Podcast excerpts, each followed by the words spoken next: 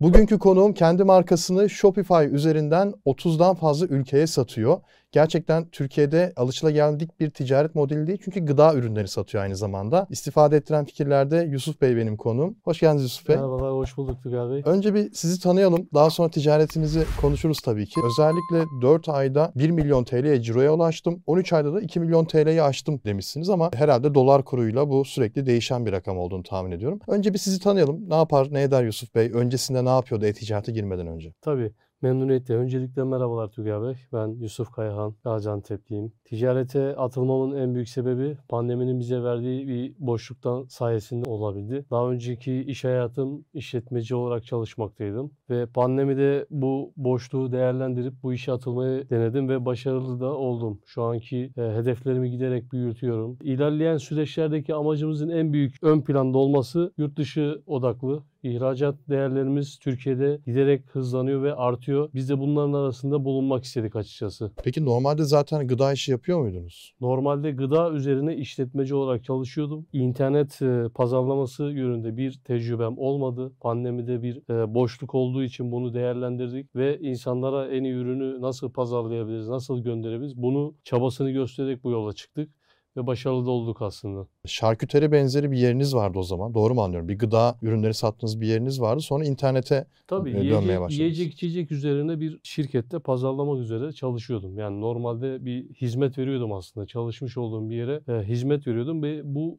hizmeti kendim yapmaya başladım şu anda pandemide. Elektronik ticaret e, yoğunlaşarak bize bir artısı olabileceğini düşünüp boşluğumu değerlendirmek için bu yola çıktım aslında ama sonunda da başarılı oldum. Yani şey bir yerde maaş çalışıyordunuz. Doğrudur, Ee, doğrudur. bir gıda Evet. işletmesinde anladım. Yani kendi yeriniz değildi. Değildi evet. Anladım. Ee, sonrasında peki e, maaş çalışıyorken o firma e, o ürünleri yurt dışına satmıyor muydu? Normal şartlarda biz e, yurt dışına değil de yurt içi yani Türkiye içi bir hizmet veren bir firmada çalışıyordum. Yiyecek ve içecek üzerine. Biz yurt dışına tamamen pandemide bir boşluğumuz vardı. Onu değerlendirdik aslında. İhracat değerlerimiz yükseldiğini fark ettim Türkiye'de. Ben de bunların arasında bulunmayı düşündüm. O şekilde yola çıktım. Ha siz o firmayla o firmanın ürünlerini aslında yurt dışına açtınız. Kendiniz sıfırdan istifa edip kendiniz bir gıda işletmesi kurup onu yurt dışına açmadınız. E, Doğru mu? anladım? Aslında bu söylediğinizi tam olarak yaptım. Ha, Yani bunu normalde yaptınız. Türkiye içi yani yurt içi olan bir hizmet e, noktasında oradan ayrılıp ilk başlarda tabii biz de Türkiye içi bu hizmete başlamaya başladık ama daha sonra yurt dışındaki döviz kazancının daha faydalı olabileceğini düşünüp yurt dışına yoğunlaşmaya başladık ve onunla da başarılı olduk şu anda. Burada şey var refahgıda.com diye bir web adresi yazmışsınız. Girdiğimizde ürünlerinizi görebiliyoruz değil mi? Ne tür ürünler Tabii satıyorsunuz, bizim ne var? ürünlerimiz şu anda yurt dışına yoğunlaştığımız için satış platformlarını Türkiye pazar yerlerindeki Türkiye satışımızı bu şekilde değerlendiriyoruz. Web sitemizde tamamen yurt dışına satış yapıyoruz. Peki Yusuf Bey şunu merak ediyorum. Şimdi çalıştığınız firmanın ismi başkaydı. Refah Gıda değildi değil mi? Maaş Yok, çalıştığınız. Ha, kurumsal bir X firmada çalışıyorum. kurumsal bir. X bir firmaydı. Dediniz ki ya ben Refah Gıda'yı açayım. Markayla ben Shopify üzerinden yurt dışına 30 farklı ülkeye ihracat yapayım. Buradan baklava göndereyim, işte lokum göndereyim, süt ürünleri, şarküteri, kuru meyve, fındık, hamur işleri, pestil, ceviz. Yani bayağı şey satıyorsunuz aslında. E, bunları yapayım dediniz. Ben o şeyi çok merak ediyorum. Kurulum aşamasını. Yani ilk kurulumu nasıl yaptınız? Yani ne kadar bir sermaye gerekti? Nelerle karşılaştınız? Zorlukları, kolaylıkları? Öncelikle bu yolda yürüyen arkadaşlara şöyle bir tavsiyede bulunabilirim. Bizim bu işteki sermayemiz gerçekten çok yüksek bir sermayeyle başlamadık. Küçük bir sermayeyle başladık. Rakam olarak eğer arkadaşlarımız bunu öğrenmek isterse tabii memnuniyetle 10.000 TL ile biz bu işe başladık. 2020'de. Doğrudur. Yani bu rakamla biz sadece şirketimizi kurduk. Bir masamızı aldık, bir bilgisayar, bir yazıcı. Bu harcanılan para bu şekilde oldu. Ürün olarak da diğer e, satacağımız ürünleri tek tek giderek arttırdık. Yani birden biz bu ürünlerin hepsini satış ya- yapmaya başlamadık. Aslında ilk kuru yemiş sınıfından başlayıp yavaş yavaş ilerleyerek şarküteri ve katma değeri yüksek ürünlere kadar ulaşmış olduk. Peki şimdi 10.000 TL, 2020'nin 10.000 TL'si, 2023'ün de 30.000, 40.000 TL'si Doğrudur. diyelim biz. Evet. 40.000 TL diyelim artık. O para bayağı değer kaybetti biliyorsunuz. Kesinlikle. Şimdi 40.000 TL'ye bir ofis tutarsınız. Evet depozitosunu bilmem nesini verirsiniz. Geriye aşağı yukarı 10.000 lira para kalır. 10.000 liraya da Ne alırsınız? Kuru yemiş. Mesela Evet. fıstık satalım. 10 bin liraya kaç koli fıstık alınır? İşte hesap edilir ben tam bilmiyorum. Burada markalama işini nasıl yaptınız peki? Kendi markanızı nasıl oluşturdunuz? Kendi markamı şu şekilde oluşturdum. Şu anda e, öncelikle şunu da söyleyebilirim. Markamızı da tescillemiş olduk. Markamızı şu şekilde biz dışarıdaki ürünleri alıp insanlara gönderirken biz öncelikle şuna baktık. Yani almış olduğumuz ürünün en iyisi nerede satılabiliyor? En kalitelisi nerede olabilir? Biz bu, önce bunun çabasını gösterdik. Bu da tabii kaliteli ürünler her zaman e, her yerde bulunamayan ürünler. Bunları tek tek bu noktaları tespit edip e, kendi markamızda ambalajını yapıp bu şekilde satışını gerçekleştirdik. Kaliteli ürünleri tespit ederken mesela şimdi toptancıları zaten biliyorsunuz. Evet. Gıda şirketinde çalıştığınız için kontaklarınız vardı. Onlarla iletişime geçtiniz. Ya ben işte şu fındığı satacağım Amerika'ya, işte Avustralya'ya, 30 farklı ülkeye. Dolayısıyla bana bunu logom bu. Benim markamla ambalajımı yap dediniz o şekilde aldınız. Doğru, mu anladım? Evet. Bahsettiğimiz ürünleri biz alırken bir görüşme değil de birebir gidip ürünleri tespit ettim. İlk baştaki e, firmalarla bu şekilde anlaşma çok yapamıyoruz çünkü belirli bir kota istiyorlar, belirli bir miktar istiyorlar. Biz de bunu başladığımız için bu olmadığı için biz onlardan o ürünleri alıp ambalajı kendimiz Şimdi ben tam da onu soracaktım. Ee, Doğru. vakti zamanında ben de e, lokum için bir yerle görüşmüştüm. Kendi markamızda yapalım diye. İşte Evet. bir kiloluk kutularda üretim yaptıracağız. İşte metal kutularda vesaire. Kutuya özel tasarım yaptıracağız. Üreticiye diyorum ki kutuyu ben yaptıracağım. Sana getireceğim. Kaç tane? İşte 300 tane, 400 tane kaç tane olursa. Sen sadece lokumları içine koy. Jelatinli o strecini yap. Hijyenik bir şekilde e, bana gönder ürünleri. Yok dedi biz minimum 10 bin adet yapabiliriz dedi.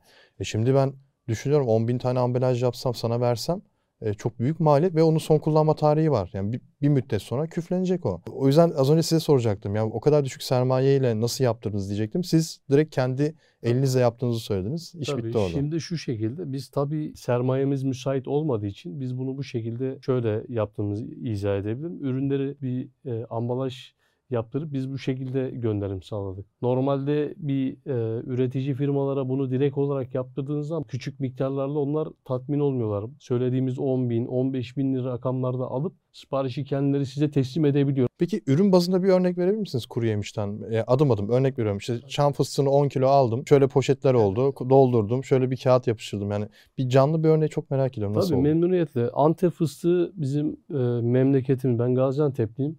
Biz bu işe ilk başladığımızda Antep fıstığı üzerinden yürümüş olduk. Hem bildiğimiz bir ürün hem tadını severek yediğimiz bir ürün. Biz bunu nasıl değerlendirebiliriz diye ilk başlarda en iyi ürünü tespit edip aldık. Aldıktan sonra e, Kiloyla kendi- aldınız. Tabii kiloyla. Bunun minimum bir standart miktarları oluyor. 10 kilo ile 20 kilo arasında bir toptan satış miktarları oluyor. Biz minimum olan satış miktarını kendi firmamıza getirip tanıdığımız insanlara bunu ikram ederek e, bu yola çıktık.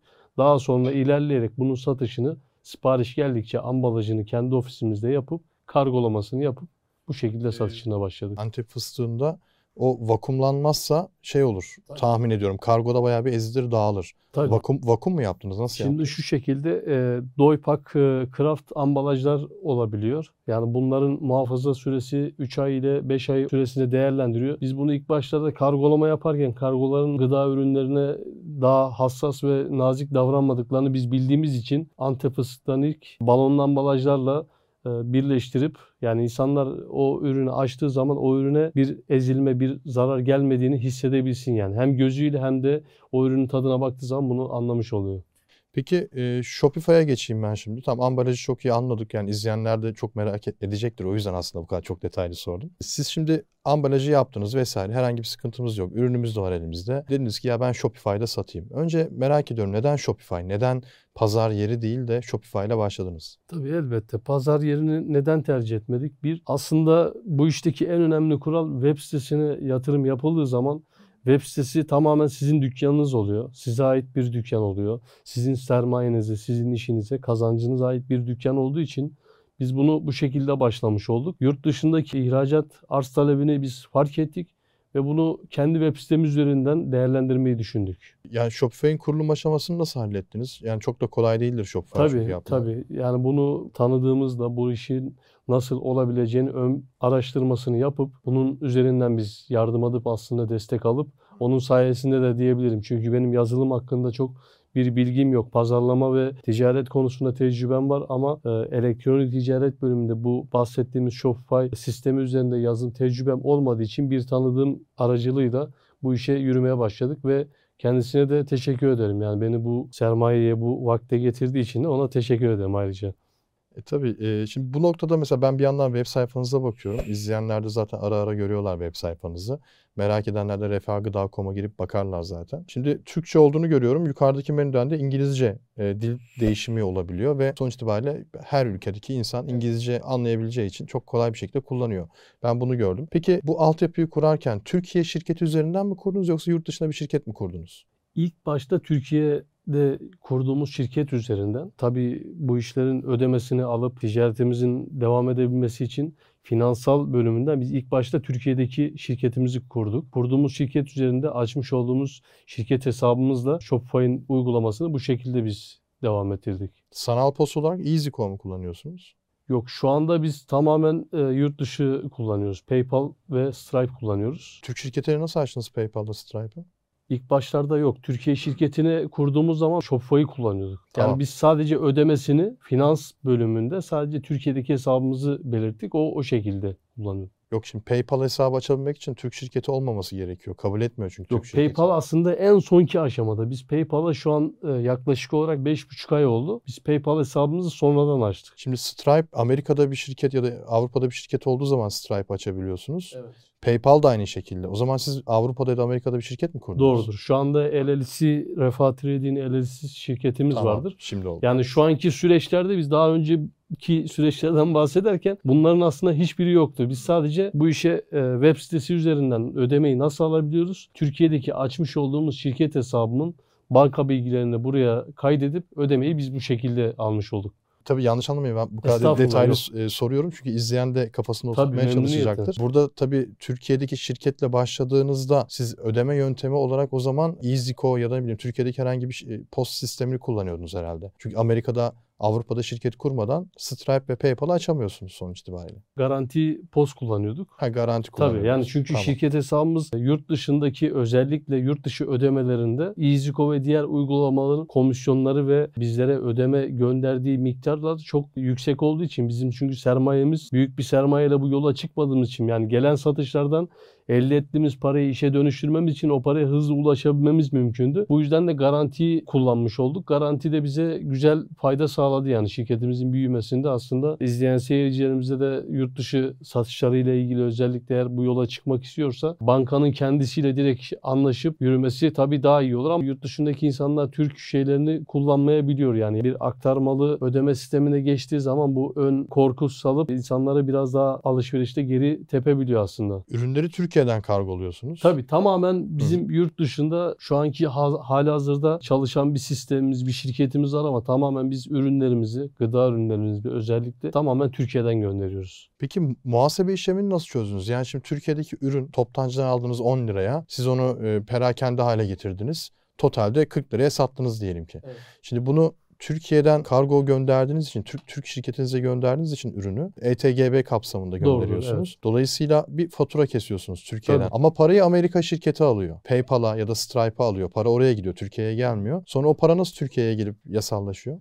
E, hesabımıza giren para yasal olarak faturasını resmi olarak kesip Türkiye e, Cumhuriyeti'nin vergi dairesine biz bu şekilde ilerledik. Resmi olarak şu anda yurt dışında aktif olarak hizmet veriyoruz. Bu verdiğimiz hizmeti de şu şekilde sağlıyoruz. İki planlı yürüyoruz aslında. Hem oraya hizmet ediyoruz hem buradaki bizden alışveriş yapan insanlara bir fatura göndermiş oluyoruz. Yani Türkiye şirketi alışveriş yapan kişiye fatura gönderiyor. Tabii. E parayı yurt dışı alıyor ama Türkiye'ye nasıl geliyor para o zaman? Biz bu hizmeti kendi şirketimizde de yansıtıyoruz Tüger Bey. Ha oradan Tabii. şirketinize Çünkü para biz geliyor. çünkü biz parayı oradan buraya aktardığımız için halihazırda şu anda mesela muhasebeleştirmek için özellikle bize bu para sorulduğu zaman bu para nereden geldi? Biz bu parayı buraya hizmet ettiğimizi belirtiyoruz. Tamam anladım. Yani iki türlü hizmet etmiş oluyoruz aslında. Bu biraz tabii zorlu bir süreç. Çok kolay değil. Meşakkatli bir durum ama bunu tabii alıştığın zaman ilerleyebiliyorsunuz. Çok da zor değil aslında.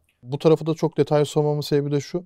Şimdi yurt dışına satış yapan insanların çoğu bu işi işte vergisiz, çok kolay yapılabileceğini zannediyor. E, aslında işler öyle değil. Mesela sizin Türkiye'de şirketiniz var. Amerika'da şirketiniz var. E, Türkiye'den malı satarken ETGB gümrükten geçmesi için devletin o e-fatura, e-arşiv faturasını kesmeniz gerekiyor ki karşı tarafı yurt dışına KDV sıfır e, kesiyorsunuz anladığım kadarıyla. E, sonra o parayı farklı bir kanalda ödüyor. Yani Amerika şirketini ödüyor. Amerika şirketi de size Türkiye'ye para gönderiyor. Muhasebeniz kapanmış oluyor aslında. Herhangi bir Evet. sıkıntı olmamış oluyor. Ama tabii Amerika şirketi daha fazla artıya geçiyor. Çünkü ben malı 40 liraya sattım ama 40 dolara sattım diyelim ki. Siz 40 dolar fatura kesiyorsunuz. Ödeme 40 dolar olarak geliyor. Ama komisyonlar düşüldüğü zaman orası biraz karıştı tabii ki. Yurt dışında özellikle verdiğimiz az önce de belirttiğim gibi hizmet iki tarafa da bir hizmet sağladığımız için burada arada bir komisyon meydana geliyor. Bu komisyonlar tabii bir maliyet doğabiliyor. Ama tabii bir işin büyümesi için arkadaşlara şöyle bir tavsiyede bulunabilirim. Yani öncelikle özellikle e-ticarette para odaklı gidilmemesi gerektiğini ben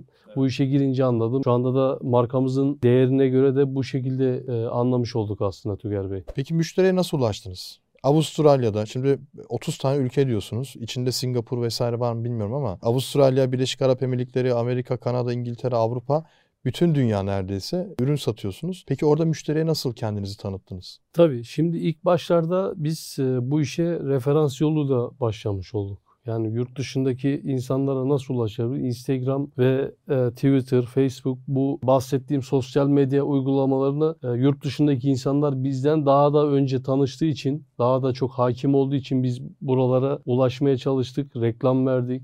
Reklamın haricinde oradaki Türk alıcı yani yaşayan Türk vatandaşlarımıza ulaşmaya çalıştık. Yani bu ürünleri bu insanlara nasıl gönderebiliriz, nasıl bu ürünleri tattırabiliriz? İlk başlarda biz bunu düşünüp birçok insana da bu işin yani bu sattığımız ürünleri de hediye olarak gönderdiğimizi söyleyebilirim aslında yani. Çünkü ticaretteki en büyük başarı risk almaktır. Biz risk aldığımız maliyetler çok yüksek maliyetler olmadığı için denedik ve denediğimiz e, sonunda da başarılı olduk. Peki Facebook, Instagram reklamları, Google reklamları bunları kullandınız mı?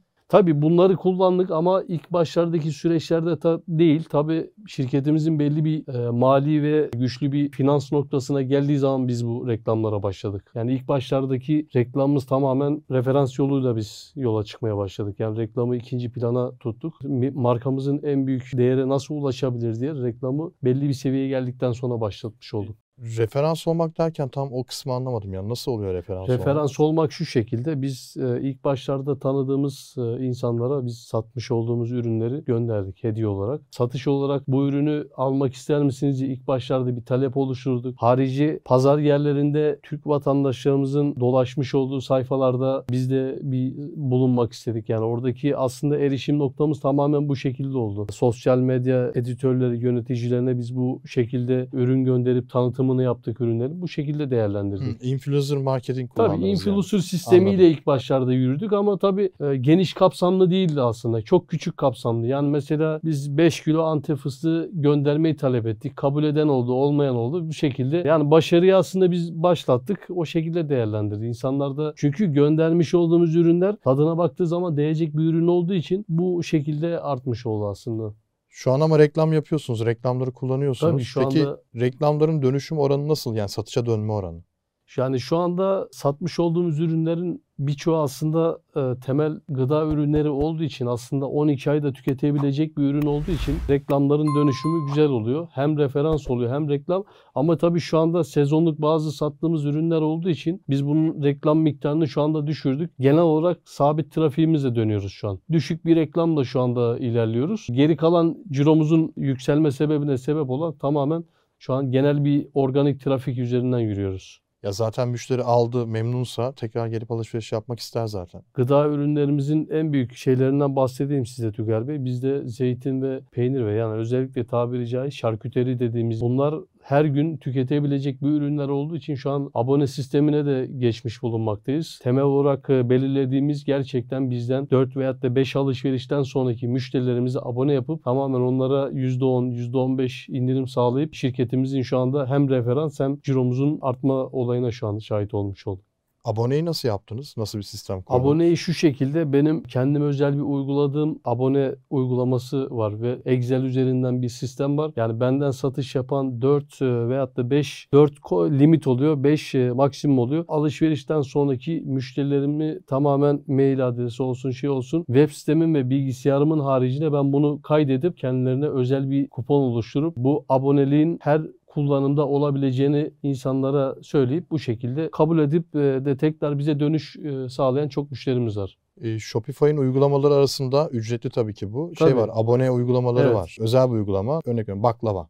Her ay bir kilo baklava göndereceğim. Normalde fiyatı 20 dolarsa sana 15 dolar olacak. E, kredi kartından da bu parayı ben her ay otomatik çekeceğim. Evet. Sistem otomatik çalışıyor. Öyle bir şey yapsanız daha iyi olmaz mıydı? Böyle bir şey yapsak olur ama şimdi insanlarımız e, yani genel olarak aslında kimse abone olup da ekstra para ödemek istemiyor. Biz bu aboneliği ücretsiz sağladığımız için insanlar satış yapıyoruz yani. Satış yaptığımız için de para kazanıyoruz. Satışımızın en büyük şeyi tamamen güvenilirlik. Yani şimdi her ay mail üzerinden bir bildirim aldığı zaman satışla ilgili rahatsız olan müşterilerimiz oluyor. Biz bunu yapmıyoruz. Biz tamamen direkt temas kurup, direkt iletişim kurup size özel bir hediye, isminize özel bir hediye kuponu oluşturup bu kuponu bütün ürünlerde kullanabileceğiniz %10 veyahut da %15 biz bu şekilde değerlendirdik Türker Bey. İletişimi nasıl yapıyorsunuz? Yani Avustralya'daki kişi e, İngilizce konuşuyor ama işte Meksika'daki İspanyolca konuşuyor. İşte farklı diller işte Kanada'da Fransızca konuşuyor. Bilmiyorum İngilizceniz ne kadar iyi ya da nasıl bu işi yönetiyorsunuz? İngilizcem oldukça iyidir. Onu da söylemek isterim. Kendi kültürel dillerine sahip olduğum için o şekilde iletişim sağlıyorum ama bizim şu anda şirketimizde de çalışan sosyal medya ve müşteri hizmetlerinde çalışan bir bayan arkadaşımız var. Bu bayan arkadaşımız bize bu hizmeti sağlıyor. Ben direkt olarak özel müşterilerimizle ilgileniyorum. Harika. Ya o zaman kaç kişi var şu an bu operasyonu yürüten? İki kişi Şu mi? anda çalışmış olduğumuz e, markamızda şu anda 5 kişi çalışıyor. Beş kişi var. 5 kişiyle bu hizmeti Harika. yürü- sürdürebiliyoruz şu anda. Harika.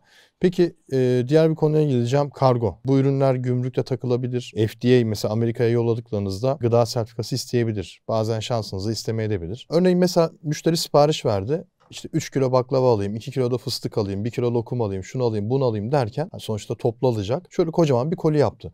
Bu ürün gümrükten geçerken bir de Amerika'dan sipariş veriyorsa %100 gümrüğe takılır zaten. Elbette. FDA sertifikası ister gümrük. Elbette. Orada ne yapıyorsunuz? Şimdi bizim zaten satmış olduğumuz e, kuru yemiş olsun, baklava olsun birçok ürünler için biz FTA kaydımız var öncelikle. Öyle mi? Tabii. Çok iyi. Yani bizim şu anda Amerika gümrüğünde eğer bir gıda ürünü pazarlayacak arkadaşlarımıza şöyle bir tavsiyede bulunabilirim. Bu belgelere sahip olmadan bu yolda yürümenin çok sağlıklı bir fikir olmadığını belirtebilirim. Nasıl aldınız? Yurt dışındaki şirketimizin kaydına göre yapılıp satmış olduğumuz ürünlerin tamamen hepsini kaydını yaptırıp o şekilde gönderim sağlıyoruz. Yo, başvuruyu nereden yaptınız FDA'yi? Firma adı verebilirsiniz. başvuruyu yurt dışındaki bir firmayla başladık. Aslında Türkiye ile bağlantılı bir hizmet veren bir firma üzerinden biz şu an hizmet aldık. Bu kaydı aldık. Şu anda da her sene yenilemesini yapılıyor sadece. Yani ilk başladı tabii çok zorlu bir süreç. Bu belgeyi almak için bazı evraklar, bazı maliyetler ihtiyaç duyulacak. Tabii bunları tamamladıktan sonra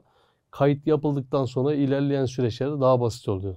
Yani o yurt dışındaki firma size tüm bu süreçte destek oldu. Şu lazım, bu lazım. Tabii. Siz de yerine getirdiniz. Maliyet ne oldu peki?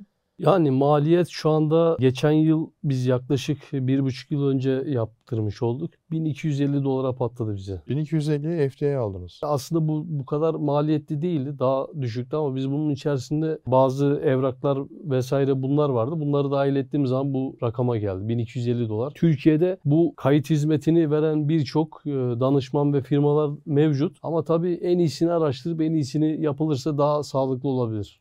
Peki Yusuf Bey şunu da merak ediyorum. Kargo şimdi tabii ki başlı başına problem. Yani problem derken şimdi az önce gümrükten bahsettik. FDA gerekli. Onu hallettiniz zaten sıkıntı yok. Kargo Türkiye'de pahalı. DHL, FedEx, UPS biliyorsunuz. Bu kargo işini nasıl çözdünüz? Ne yaptınız o noktada? Şimdi buna nasıl başlamış olduk? Hemen belirteyim. Yurt dışına havayolu hizmeti veren bahsettiğiniz gibi FedEx, UPS, TNT, DHL bunlar üzerinden biz gönderim sağladık. Öncelikle bunu belirteyim. İnsanlara bu ürünü hızlı göndermenin bir bedeli var. Bunun da bu bedelini biz karşı tarafa yansıtarak bunu sağlamış olduk. Yani satmış olduğumuz ürünler gıda ürünleri olduğu için inanılmaz e, derecede yüksek karlar yok aslında. Ben onu belirteyim. Ne kadar kar ediyorsunuz ortalama? Yani ortalama şu anda 1500-2000 dolar bana net kar bıraka, Yok bırak- şey e, ürün bazlı olarak yani bir üründen yüzde şu kadar ortalaması var mı? Tabii ürünü olarak şu anda minimum %10 ile %35 arasında değişebiliyor. Yani aslında bu satmış olduğumuz ürünlerle alakalı durum var. Yani kargoda bir desi dediğimiz bir durum var. Bu desi olan ürünler, ağır olan ürünler biraz daha e, desiyi düşürdüğü için bu sefer de bize kar olarak geri dönüyor. Yani mesela nedir? Şu anda kuru sebzeler mesela desi kaplayan patlıcan, biber bunlar mesela kuru sebzeler olarak nitelendiğimiz koruluk diye tabir ettiğimiz bunlar desi kaplayan bir ürün. Yani mesela bir müşterim benden 10 ve üzeri bu ürünlerden web sitemizden satın aldığı zaman ben zarar ediyorum. Yani kar da yapamıyorum. Şimdi böyle bir sıkıntısı da var bu şeyin. Peki kargo olarak direkt kendiniz UPS'e DHL'e kendiniz mi veriyorsunuz yani kargo Ee, şirketi? tabii ilk başlarda bir çalışmış olduğumuz kargo şirketleri var. Yani dışarıdan bu hizmeti sağlayan, e, lojistik hizmetini sağlayan insanlarla biz Neresi mesela? Dünya Global Lojistik mevcut. Bir süre çalıştık. Daha sonra da tabii kendimiz direkt olarak çalışmaya başladık. Yani aslında bu işteki en önemli olay bir işin direkt olarak bir yerden temel noktasından başlamamız gerekiyor. O zaman ben size şöyle bir şey söyleyeyim. Bizim Tuger Lojistik var biliyorsunuzdur, duymuşsunuzdur Evet. belki bilmiyorum ama Tuger Lojistik Navlungo'nun altyapısını kullanıyor. Navlungo'dan %5 daha ucuz. Size özel bir de e, eğer kullanırsanız bir fiyatlara bakın oraya. Bir e-posta yani bir hesap açın tugerlojistik.com'a girip daha sonra o, o e-posta adresini bize geri arkadaşlarımıza yollarsanız oradan özel bir indirim tanımlayalım size. Ya da bizim Help'e de yollayabilirsiniz. İndirim tanımladıktan sonra fiyatları bir karşılaştırın. Çünkü şöyle söyleyeyim. Türkiye'deki çok ünlü bir baklava markası. isim marka söylemeyeceğim. Yani sözleşmemize aykırı olabilir diye. Yani en çok en bilindik baklava markası öyle söyleyeyim. Tuger Lojistik üzerinden gönderim yapıyor. Tabii ki Tuger Lojistik ne yapıyor? Bunu DHL UPS'e aslında servis edip veriyor. Onun üzerinden gönderiyor ama siz mesela hacimlerinize göre o firmalardan ne kadar iyi fiyat alırsanız alın bizim kadar iyi fiyat alamıyorsunuz. Çünkü biz daha fazla toplu fiyat aldığımız için daha uygun fiyata göndermiş oluyoruz aslında biz. Hem Navlungo'dan %5 ucuz olacak hem de size ekstra bir indirim tanımlatacağım. Özel bir indirimimiz var bizim çalıştığımız firmalara. O indirimi de tanımlatacağım. E, Tuger Lojistik'i bir bakın. Fiyattan en azından bir inceleyin. Diğerinden daha avantajlıysa tercih edebilirsiniz. O Türkiye'nin en ünlü baklava firması dediğim firma da zaten Tuger Lojistik'le gönderiyor. İki günde Amerika'ya gidiyor mesela. İkinci gün müşterinin elinde. E şimdi adam diyor ki ya ben DHL'le gönderiyordum diyor. Atıyorum 40 dolar ödüyordum kargoya. E şimdi Tuger Lojistik'le gönderiyorum. Tuger Lojistik üzerinden DHL kullanıyorum. Yani yine DHL'le göndermiş oluyorum. 40 ödemiyorum 30 ödüyorum diyor mesela. Fiyatları atıyorum şu an. E daha ucuz, aynı servis, aynı hizmet. Niye daha fazla para vereyim? Ekstra indirimle tanımlatırım. Hatta şimdi bu videoyu izleyen izleyicilerimiz için de onlara da ayıp olmasın. Yukarıda bir mail adresi görüyorsunuz. help.tuger.us Oraya mail atarlarsa e, bu videoyu izledim o yüzden ekstra özel indirim istiyorum deyip size tanımadığımız indirimi bu videoyu izleyenlere de Tuger Lojistik'e üye oldukları takdirde tanımlamış oluruz. Teşekkürler. O da işinizi bayağı kolaylaştırır. Bir de son bir şey daha söyleyeyim. Shopify kullanıyorum demiştiniz. Shopify'la entegre çalışıyor. Tuger Lojistik bağlıyorsunuz Shopify'ı birbirine. Sipariş geldiği zaman Tuger Lojistik'te etiketiniz otomatik oluşuyor. Tek yapmanız gereken operasyon olarak şu. Etiketleri yazdır demek ve paketleri yapıştır demek. O kadar. Başka bir şey yapmanıza gerek yok. Tabii Amazon, Etsy ve diğer pazar yerleri entegrasyonla da aynı şekilde çalışıyor ama sizin için bayağı bir kolaylık olacak. Teşekkür ederim. İnşallah bir değerlendirip e, beraber de çalışabiliriz. Arkadaşlara şöyle bir tavsiyede bulunabilirim. İnsanlara göndermiş olduğu ürünlerden gerçekten emin olduğu zaman göndersin. Yani en iyi olmadığı zaman da 1-0 geriden gelmiş oluyoruz. Yusuf Bey ben çok teşekkür ederim Ben size. de çok teşekkür ederim. Ağzınıza sağlık. Çok Buraya oldum. kadar geldiniz. Teşekkür ederim. Çok sağ olun. Gerçekten çok faydalı bilgiler paylaştık. Elbette. Dolu dolu bir içerik oldu. Ben sizi biraz terlettim sorularla kusura bakmayın. İzleyenlerimiz umarım faydalanmıştır. Yusuf Bey'e sorunuz varsa ya da benzeri işleri siz yapıyorsanız bana sorunuz varsa bu videonun altına yorum yapmayı unutmayın. Videoyu beğenmeyi de unutmayın. Kendinize çok iyi bakın. Hoşçakalın.